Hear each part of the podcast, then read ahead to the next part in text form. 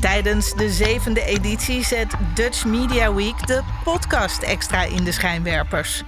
Samen met bekende en onbekende podcastmakers probeert het Mediafestival van Nederland om het wereldrecord podcast maken te vestigen. Als onderdeel daarvan stelt Dutch Media Week 2022 met grote trots aan u voor.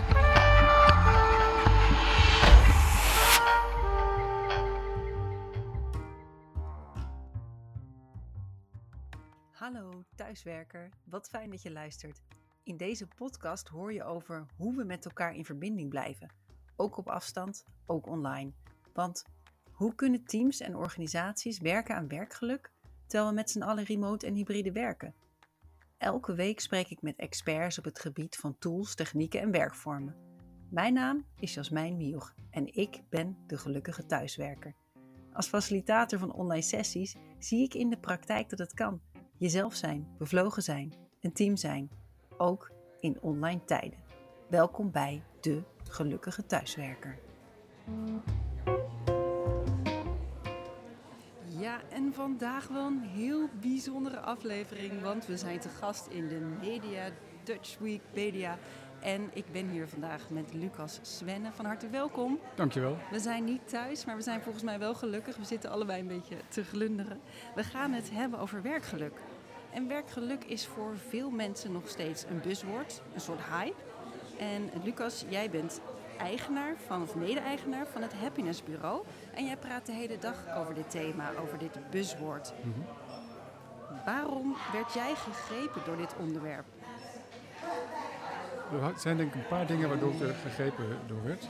Ehm, enerzijds dat ik daarvoor, ik heb verschillende directiefuncties gehad en ik realiseerde niet welke, eh, dat het heel mooi zou zijn als je met eh, veel plezier eh, naar je werk toe gaat. Dat je in een mooie organisatie werkt. Dat, je realiseerde je niet. niet, onvoldoende. En ehm, hè, dat je de dingen kan doen waar je goed in bent. Dat je goed contact hebt met je collega's. Dat was altijd een beetje impliciet. En toen ik er meer mee in aanraking kwam, dacht ik, hé, hey, dit is iets waar veel meer mensen uh, mee in aanraking moeten komen, van doordrongen moeten zijn. Want het gaat echt wat betekenen als mensen gelukkig zijn op het werk. Ja, dat betekenen, daar wil ik het ook graag over hebben. Want vlak voordat we deze opname had zij, uh, stuurde op LinkedIn een post met een heel mooi artikel van Gallup. En daarin waren wat cijfers en die zou ik met je door willen nemen. Daar stond onder andere dat als medewerkers zich meer verbonden voelen met de cultuur in een organisatie, dat ze 68% minder vaak gevoelens hebben van burn-out. Is dat ook wat jij ervaart in je dagelijks werk als je met werkgeluk bezig bent? Ja, wij adviseren organisaties uh, hoe zij om hun medewerkers gelukkiger kunnen worden. Dus dat betekent dat wij zelf allerlei tools over hebben, maar ook veel onderzoek doen, maar ook veel onderzoeken lezen. En wat Gallup uh, hierin zegt, zien we steeds vaker. Als jij het gevoel hebt dat je in een organisatie werkt die ertoe doet, waar jij, jouw bijdrage ook wordt gewaardeerd, dat je gevoel hebt dat jouw werk ertoe doet. er was een tijdje geleden een prachtig voorbeeld in het AD van een, iemand, voor mij een financieel iemand, die had een verslag gestuurd naar de directie. En op pagina 12 stond, als je hier bent aangekomen, kom dan even langs, want dan heb, je een stuk, heb ik een stuk appeltaart voor je. Niemand kan langs. Niemand leest op pagina 12. Juist, hè, dus het is heel mooi natuurlijk als jouw werk ertoe doet. Uh, als je kan doen waar je goed in bent, maar ook dat je collega's hebt waar je lief en leed mee kan, uh, kan delen, uh, successen mee kan vieren, dat is natuurlijk prachtig. Dus wat dat betreft zien we dat, wat Gallup hier zegt, zien we ook in andere onderzoeken terug. Ja, dat doet er echt toe. Ja, ja, ik vertel, ik begon een beetje met werkgeluk als een buzzwoord. En ik denk, ja, ik geloof natuurlijk dat dat niet meer zo is, dat het echt relevant is. En jij natuurlijk ook. Gallup zegt ook in datzelfde artikel, 55% van de mensen die meer werkgeluk ervaren, die zijn uh, minder op zoek naar een nieuwe baan. En in deze tijden van een krappe arbeidsmarkt is dat natuurlijk waanzinnig relevant. Ja. ja. En, en ja, ik, ik, ik zeg het buzzwoord. Zeven jaar geleden, toen jij begon met het Happiness Bureau, toen vertelde jij mij net, um, ja, toen, toen, waren mensen nog niet bezig met werkgeluk. Ze, ze durfden het woord niet te zeggen of ze kenden het niet. Wat is er die afgelopen zeven jaar nou veranderd? Ja, dat was inderdaad heel opmerkelijk. We hadden ook mensen die ongeveer hetzelfde deden en die noemden dat service delivery. En wij hebben heel bewust gekozen voor het woord werkgeluk. Want we dachten, ja, als we het op de kaart gaan zetten, dan moeten we daarover praten en dan moeten we ook zo gaan benoemen. En ik denk dat uh, een aantal zaken daar een uh, rol bij speelt. onder andere dat je steeds vaker merkt dat heel terecht is dat de medewerker meer centraal komt te staan. Het gaat om de medewerker. Ehm, het gaat om hoe, kun jij, hoe kunnen wij als organisatie ervoor zorgen dat medewerkers floreren. Dat betekent dat je naar, moet gaan luisteren naar die medewerker. Dat betekent dat je moet gaan kijken hoe zij hun talenten nog meer kunnen gaan gebruiken. Want uh, daar krijgen medewerkers heel veel energie van. En, en, dat betekent ook dat zij nog productiever kunnen zijn, beter samenwerken en ook voor tevreden klanten kunnen zorgen. dus je merkt dat in één keer dat die inzichten, die er al een tijdje waren, werden breder gedeeld. En je zag ook dat, ik denk ook, dat was meer de laatste paar jaar, ook door de pandemie, werd het nog nadrukkelijker, duidelijker, eh, nog duidelijker.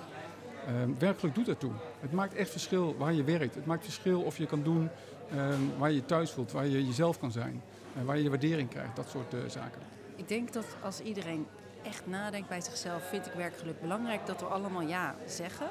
Maar dat woord werkgeluk, dat dat nog een beetje ja, zorgt voor vrevel, voor nou ja, een beetje ongemakkelijkheid. Van wat is dat nou voor een soft thema? Ja. Zien jullie daar een verschuiving in de afgelopen tijd? Zeker, een paar, paar dingen heb je niks met het woord werkgeluk. Als jij iets, iets anders gaat noemen, uh, floreren, tegenwoordig wordt zelfs ambitie uh, gezegd. Uh, daar heb niet veel modewoord, Nieuw modewoord, ja. ja. Um, um, dat is prima. Het gaat niet om het woord, maar het gaat om wat er achter zit. een tijd geleden had ik met mensen, deden een workshop voor mensen die in de riolering werkten. Die hadden niet zo direct wat met het woord werkgeluk. Als je ging praten wat hun energie gaf of wat hun energie afnam, dan gaat het over dezelfde onderwerpen. Van, oh joh, we hebben onlangs met een team een fantastische opdracht uh, afgerond. En we zijn er eventjes doorgegaan om het helemaal goed te maken. Nou, die energie spatte eraf. Maar zij op het hoofdkantoor, ze snappen helemaal niks hoe het zit met de planningen. Want dan moet ik om drie uur opstaan, dan sta ik in de file, bla bla bla bla. Dus de onderwerpen zijn precies hetzelfde. Alleen um, als je er een andere term wil uh, geven, prima. Dat maakt me niet zoveel uit. Energie, verbondenheid, nee. teamgevoel. Daarom. Het gaat uiteindelijk ja. wel, hè, als je ermee aan de slag gaat, maakt het wel uit dat je daar een, eenzelfde taal over gaat spreken. Dat je begrijpt wat zorgt nu wel voor werkgeluk en wat zorgt nu niet voor werkgeluk. Maar dat je dat, dat mensen dat soms anders noemen, uh, geen probleem wat mij betreft. Ja, jij zegt bij werkgeluk hebben wij het, jullie bij het Happiness Bureau, over vier pijlers. Zingeving, voldoening, plezier en verbinding. Klopt dat? Ja, dat, klopt. We, zijn, noemen die laatste twee de derde, dus het plezier en verbinding als één. maar het zijn wel vier woorden, dat ja, klopt. Als, ja. als we dat gaan ontleden, want daar ben ik dan wel heel benieuwd naar. Hoe pakken jullie dat aan binnen organisaties om die vier thema's uh, ja, aan de orde te brengen?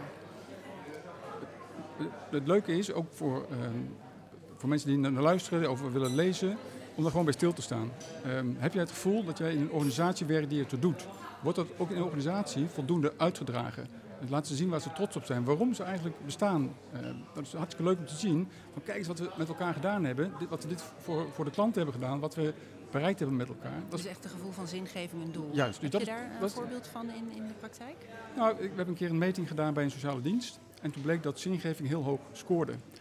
Het opmerkelijke was, daar waren ze zich niet zo van bewust. Dat het zo belangrijk was voor die medewerkers. En toen ze dat zagen, zijn, zij, uh, dat vertalen, zijn, zijn ze dat gaan vertalen naar allerlei communicatiemiddelen. Van uh, één keer in de maand een medewerker centraal stellen om te vertellen wat zij of hij had bereikt met een, uh, een klant.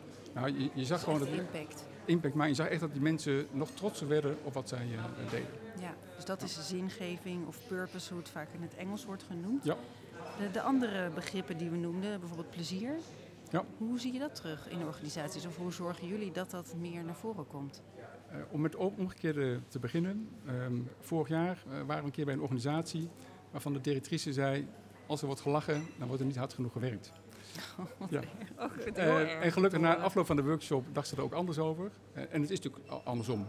Als mensen lachen, plezier hebben, dan zijn er veel positieve emoties. Zijn ze vaker gemotiveerd, meer betrokken, ook bij elkaar en bij de organisatie om mooie dingen neer te zetten. Ja, dus het plezier is van belang, maar ook daar moet je dus aandacht voor hebben. En we zagen ook in coronatijd dat dat uh, moeilijker was.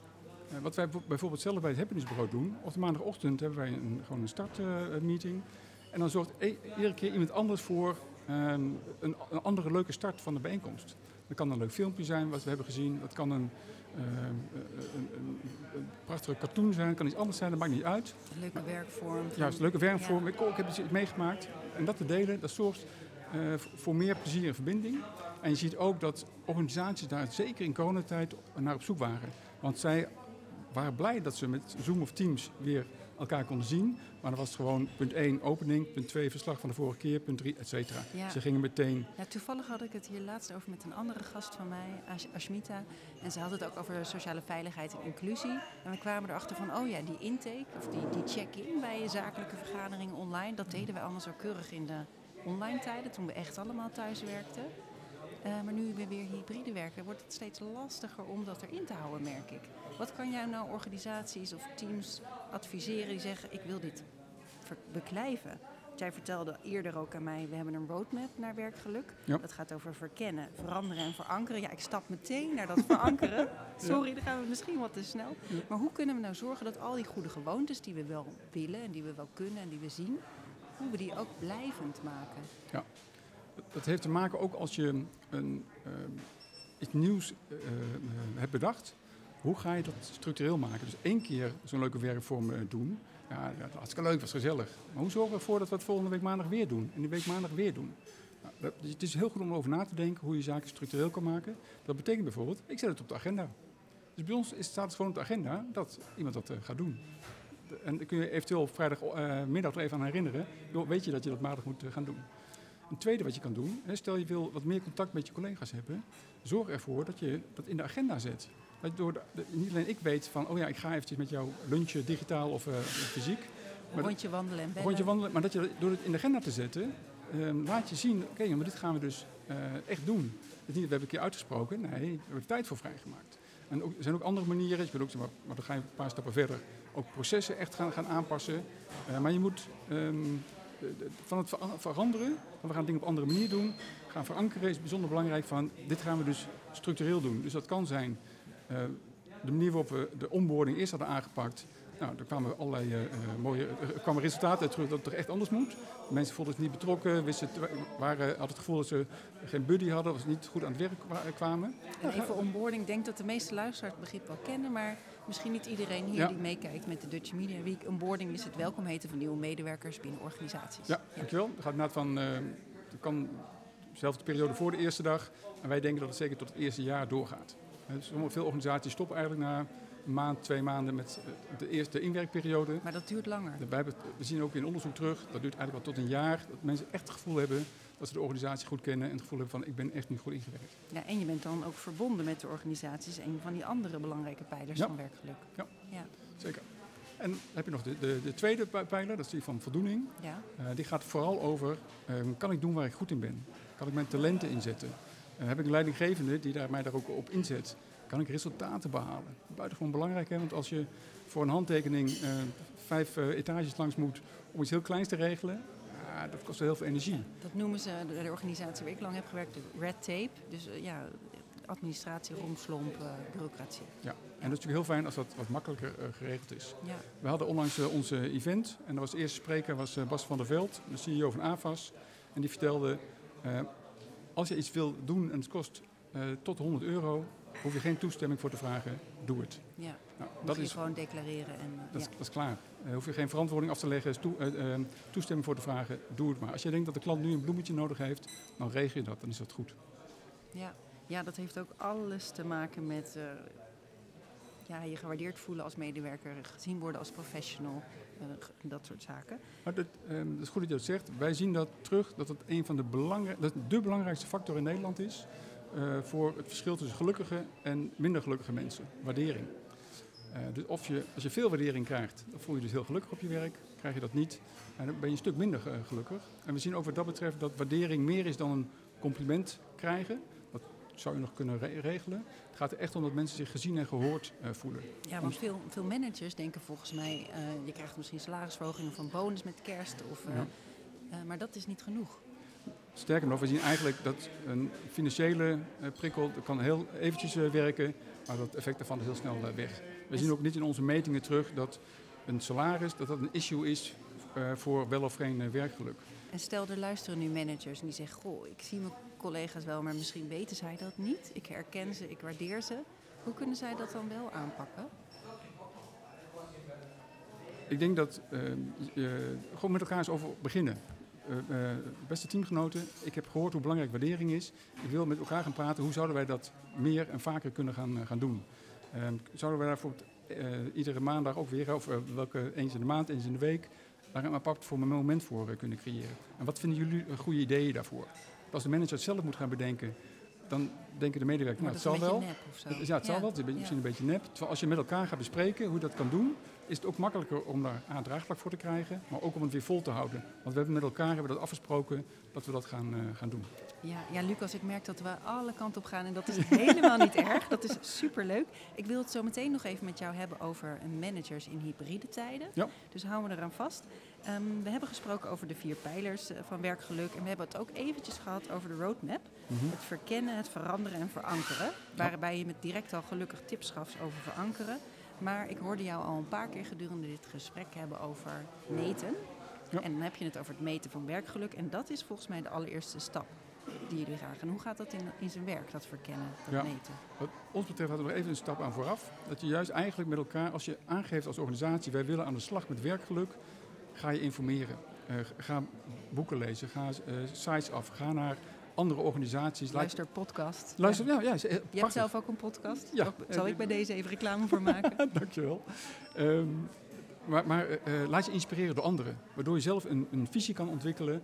Hoe ziet het werkgeluk in onze organisatie eruit? En als je dat gedaan hebt, dan is het een heel logische vervolgstap. En hoe gelukkig of minder gelukkig zijn onze medewerkers nu eigenlijk?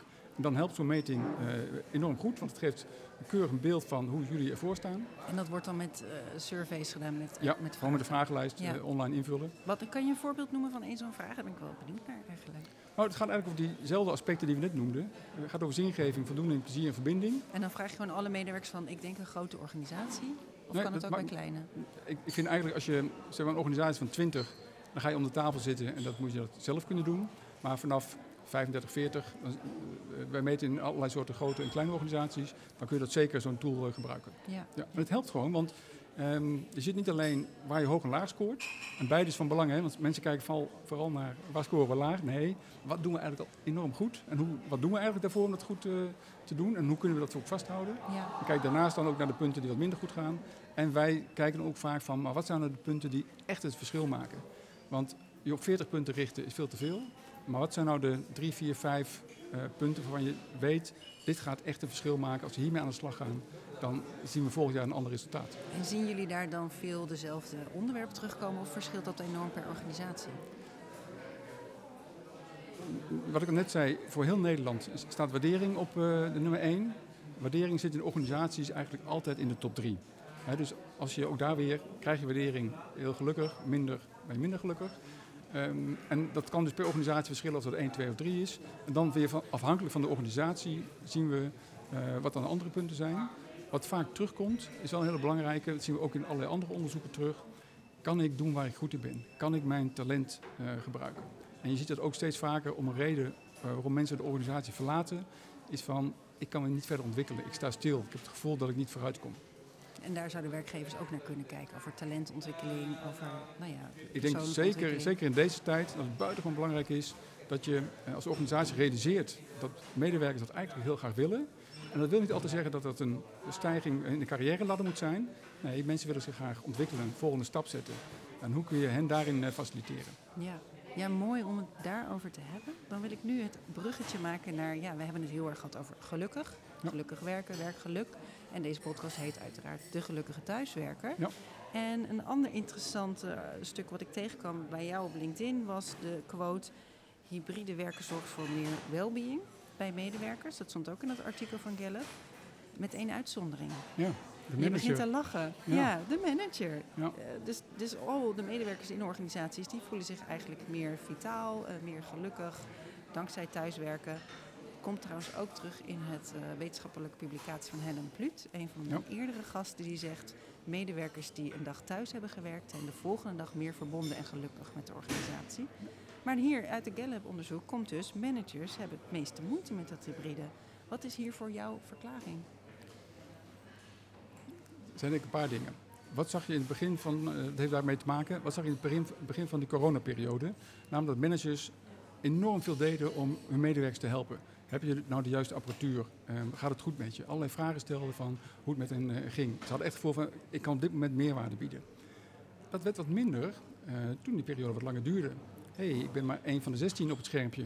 En mijn positie is in één keer wat anders dan vroeger toen ik achter een tafel uh, zat. Die manager voelde zich gelijkwaardiger misschien. Gelijkwaardiger. En ik kreeg vragen van, hé, hey, maar uh, zijn ze wel zo productief thuis? Hé, hey, maar wat is mijn toegevoegde waarde nog aangewaan? Dat soort zaken. Ja. Productivity paranoia noemt Microsoft het. daar moeten we vanaf. Want het, gaat gewoon goed. dat maar je zag dus dat leidinggevenden zich moesten aanpassen aan die nieuwe rol. Ehm, wat ook in het artikel van Gallup staat, is dat um, zij voor corona konden ze heel makkelijk met, hun, met andere managers, met hun gelijken afstemmen. Joh, hoe doe jij dit? Hoe jij dit? Kun je me even een tip geven? En dat is nu veel lastiger voor hen. Dus zij moeten eigenlijk wat meer steun krijgen van de organisatie, ook, maar ook van het zijn van teams, maar vooral denk van, van managers, hoe zij dit soort zaken ook beter kunnen gaan doen. Nou, dat vind ik wel heel leuk dat ik dit noemt. Ook toch een persoonlijke ervaring delen. Want ik werkte in 2020 bij de Universiteit Leiden. En uh, daar was ik verantwoordelijk voor management, voor, uh, nou ja, voor de leiderschapsontwikkeling binnen de organisatie. En ik moet zeggen, de, rector zelf die belde mij op mijn 06 en Jasmijn, wil je alsjeblieft iets doen in deze pandemie voor de managers, voor de leidinggevenden, want die hebben steun nodig. En toen hebben we webinars voor hen georganiseerd waar een groot onderdeel ook was intervisie. Oh, Hoe doe jij dat nou? En we hebben daar heel positieve reacties oh, op goed. gehad. Ja, dus, oh, super. dus dat is mooi. En ik moet nu, denk ik eraan, ik denk dat was toen, en ik weet eigenlijk niet hoe dat nu is. Ik heb inmiddels een andere rol binnen de organisatie. Dus ik ben wel heel benieuwd, eigenlijk wat we net ook weer zeiden. Leuk, er is iets nieuws, er is een crisis, we gaan het aanpakken, we gaan het oplossen. Net hetzelfde met die check-in elke week. Maar hoe kunnen we het nou verankeren? Juist. En dan zie je, als je het over leidinggevende hebt, voor mij nog iets anders. Ik vind dat we echt naar een ander type leidinggevende toe moeten. Eh, veel meer eh, dienend leiderschap. Ik weet niet of je de Netflix-serie van Nieuw Amsterdam uh, kent. Ik ken de Netflix-serie niet, maar ik ken de term wel. Je had Max Goodwin, de nieuwe directeur van het zierhuis. En die ontsloeg de eerste oh, aflevering binnen 10 minuten zijn hele staf, of alle chirurgen. En zijn zin, waarmee hij altijd begint tegen andere mensen, how can I help? Het is veel meer dienend leiderschap. kijk hoe je andere mensen kan gaan helpen. Dat betekent dus ook dat je uh, veel meer een facilitator wordt, een facilitator voor je team, dan dat je dus allerlei dingen zelf 40 uur druk mee bezig bent en af en toe nog iets met je team doet. Nee, in eerste instantie ben je er voor je team. En dat is voor veel managers, uh, was dat al lastig in coronatijd. En ik denk dat organisaties daar ook beter bij stil kunnen staan van hoe kunnen wij dus een ander type manager aantrekken. Die veel meer, een, als je een ander buswoord hebt, people manager. Die veel meer kijkt van hoe kan ik mijn team faciliteren zodat zij die dingen kunnen doen waarvoor zij hier zijn aangetrokken. Ja, zodat zij kunnen floreren, en et cetera. Het is, het is echt een, een, andere rol wat mij betreft geworden. En dat zien we ook terug, hè, dat uh, medewerkers dat graag willen. Uh, het is mooi dat ze een, een, een, manager hebben die gewoon kijkt naar de planning en de resultaten. Maar de rol van coach, hè, naast hen gaan staan en helpen, is buitengewoon belangrijk. Ja, en dan zie je ook weer waarschijnlijk groei in die persoonlijke ontwikkeling. Ja, ja. Want we hebben, uh, wij doen ieder jaar ook een onderzoek naar een speciaal thema. Afgelopen jaar was dat uh, talentgericht leiderschap ging eigenlijk over andere onderwerpen, maar onder andere talentgericht leiderschap. En we zagen dus eigenlijk dat als jij een leidinggevende hebt die weet wat talenten zijn in het team, de mensen daarop inzet en laat ontwikkelen, dat is een voorspeller van zowel werkgeluk als het aanbevelen van de organisatie. Dus als jij één tip zou mogen hebben voor de luisteraars hier die misschien zelf manager zijn of manager zouden willen worden, is focus je op talentgericht werken. Ja, Mag ik dat, zo samenvatten? Dat, ja, zeker. Dat, dat, um, waardering zou de andere tip zijn, maar talentgericht leiderschap uh, is buitengewoon belangrijk, want dan zie je dus, jij kan mensen uh, uh, laten doen waar ze goed in zijn. Nou, dan, als je het hebt over floreren, dan krijgen mensen heel veel energie van. Jouw sterke punten kunnen gebruiken, doet enorm veel voor, voor de mensen. Ja, mooi. We zijn alweer bijna aan het einde van deze podcast, dus de tijd vliegt werkelijk. Maar ik heb nog twee vaste vragen en wie weet komt er nog wel een uitsmijtsvraag bij. De eerste vraag is, ja. Lucas, ben jij zelf een gelukkige thuiswerker? Ik ben zeker een gelukkige thuiswerker. Ik, maar ik merk ook dat dat uh, anders is geworden uh, door die coronatijd. Want voor mij is niet heel veel veranderd. Als happinessbureau hebben wij geen vast kantoor. Wij werken veel thuis of uh, we gaan naar de klant. En dat deden we ook voor coronatijd. Alleen ook wij hebben ehm, door Zoom en Teams overleggen wij ook veel meer met elkaar. Dus de betrokkenheid is nog wat groter geworden. Dat is juist anders dan andere mensen hebben ervaren. Juist, ja. juist. En dus, eh, bij ons is dat, heel, uh, is dat uh, meer geworden, wat bijzonder uh, fijn is. En dat houden we ook gewoon vast. Wij zien elkaar ook vaker via Zoom Jullie hebben het verankerd. Het verankerd. Ja. Dus dat is wat ik zie. En ik vind het ook wel fijn dat het niet alleen maar thuiswerken is. Dat je ook weer naar klanten toe kan gaan. Dus of een workshop kan geven gewoon op locatie. Ja, juist die combinatie. Ja, en we hebben ook internationale klanten, dus dat doen we gewoon op keurig online en heel soms op locatie. Maar dat is ook fijn dat je dat nog steeds online kan doen. Ook daar zagen we de verandering. dat ook mensen die zelfs in verschillende vestigingen in verschillende landen werkten, dat voor corona op een andere manier deden dan tijdens corona. Die hebben ook Zoom en Teams ontdekt. En ik hé, hey, we kunnen nu veel veel meer verbondenheid creëren, dat we elkaar wat vaker kunnen zien. Dit vind ik wel een heel mooi verhaal ook om te delen. Dat is dus juist door corona, door de pandemie, door het gebruik van Teams en Zooms en al die online platformen, hebben mensen juist meer verbondenheid ervaren. Ik zal het nog specifieker maken. Uh, een van mijn beste vrienden die uh, zit in Santa Barbara in Amerika. Werkt daar voor een multinational met vestigingen in Canada, het Verenigd Koninkrijk, India en andere landen. Daar hadden ze normaal gesproken wel contact mee, maar daar gingen ze fysiek naartoe door corona uh, werden al die mensen uitgenodigd in, uh, tijdens Teams-meetings of Zoom-meetings. Die mensen gaven aan dat ze veel meer verbonden voelden, dat ze veel meer betrokken waren bij wat er bij de organisatie gebeurde. In plaats van één keer, twee keer per jaar contact hebben met die organisatie. Ja, ja. ja en ik hou ook heel erg, nee, ik hou me ook bezig met duurzaamheidsthema's. Komt niet zo vaak naar voren in deze podcast, maar dat scheelt natuurlijk wel al dat internationale verkeer. Ja, ja. ook dat. Mooi. Vraag 2, die ik aan je wil stellen. En je hebt hier al een hele mooie stapel boeken op tafel. Dat is het voordeel als we hier op locatie afspreken. En we zitten trouwens in een uh, boekenwinkel hier in het centrum van Hilversum. Ja. De vraag is natuurlijk, uh, heb je nog boekentips? Ik heb een paar boeken uh, meegenomen. Eén ehm, is, we hebben veel verandering gehad. Heel simpel een praktisch boek van Ben Tichelaar, De Ladder. We zijn daarin gecertificeerd, maar het is erg leuk om te kijken van hoe doe je dat nu? En het is niet makkelijk. Want we zeggen altijd, joh, weet je wat, dan moet je gaan veranderen. Maar dat is gewoon lastig. En eigenlijk ben het vrij simpel gemaakt hoe je dat kan doen. Maar ook daar weer, als je daar uh, continu aandacht voor hebt, kan je echt uh, verandering ook uh, gaan, gaan borgen. Ja, dat is eigenlijk stap 2 van jullie roadmap. Eerst was verkennen, dan veranderen en dan verankeren. En dit boek, De Ladder van Ben Tichelaar, is handig om in een tweede stap te gebruiken. Het tweede boek is van bijna naamgenoot, die schrijft wat anders, namelijk Mark Tichelaar. Dat heet Focus. Um, ik heb de, de trainingen onlangs gevolgd. En wat ik merk, hè, want als je praat over voldoening, dan gaat het ook vaak over flow. Hè. Zit ik in, uh, in, flow. En we merken toch wel dat uh, je bent er heel snel uit. Je wordt heel vaak afgeleid. Nou, de telefoon is de nummer één afleider. dus als we daar echt iets anders voor kunnen gaan, gaan regelen, is dat super. Want als mensen meer gefocust zijn, hebben ze meer energie, kunnen ze productiever zijn. Want je merkt eigenlijk dat mensen geneigd zijn om twee dingen te gaan doen. terwijl je aan een teamsmeeting zit, ben je toch even je mail, mail. Ja, ja. En dat, dat, dat werkt niet. Je doet twee dingen eigenlijk heel slecht. En ik denk dat er veel te winnen valt, dat mensen meer focus gaan, gaan krijgen. Nou, absoluut.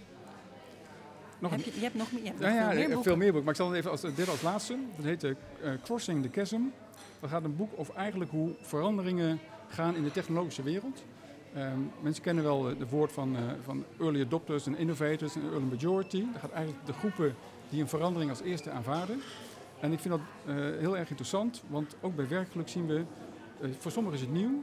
Nou, hoe ga je dat dus in je organisatie inbrengen? Hoe zorg je ervoor dat mensen enthousiast over worden. En dat het begint met een kleine groep. Hè. Je gaat ambassadeurs om je heen verzamelen. Maar hoe maak je die groep langzaam groter?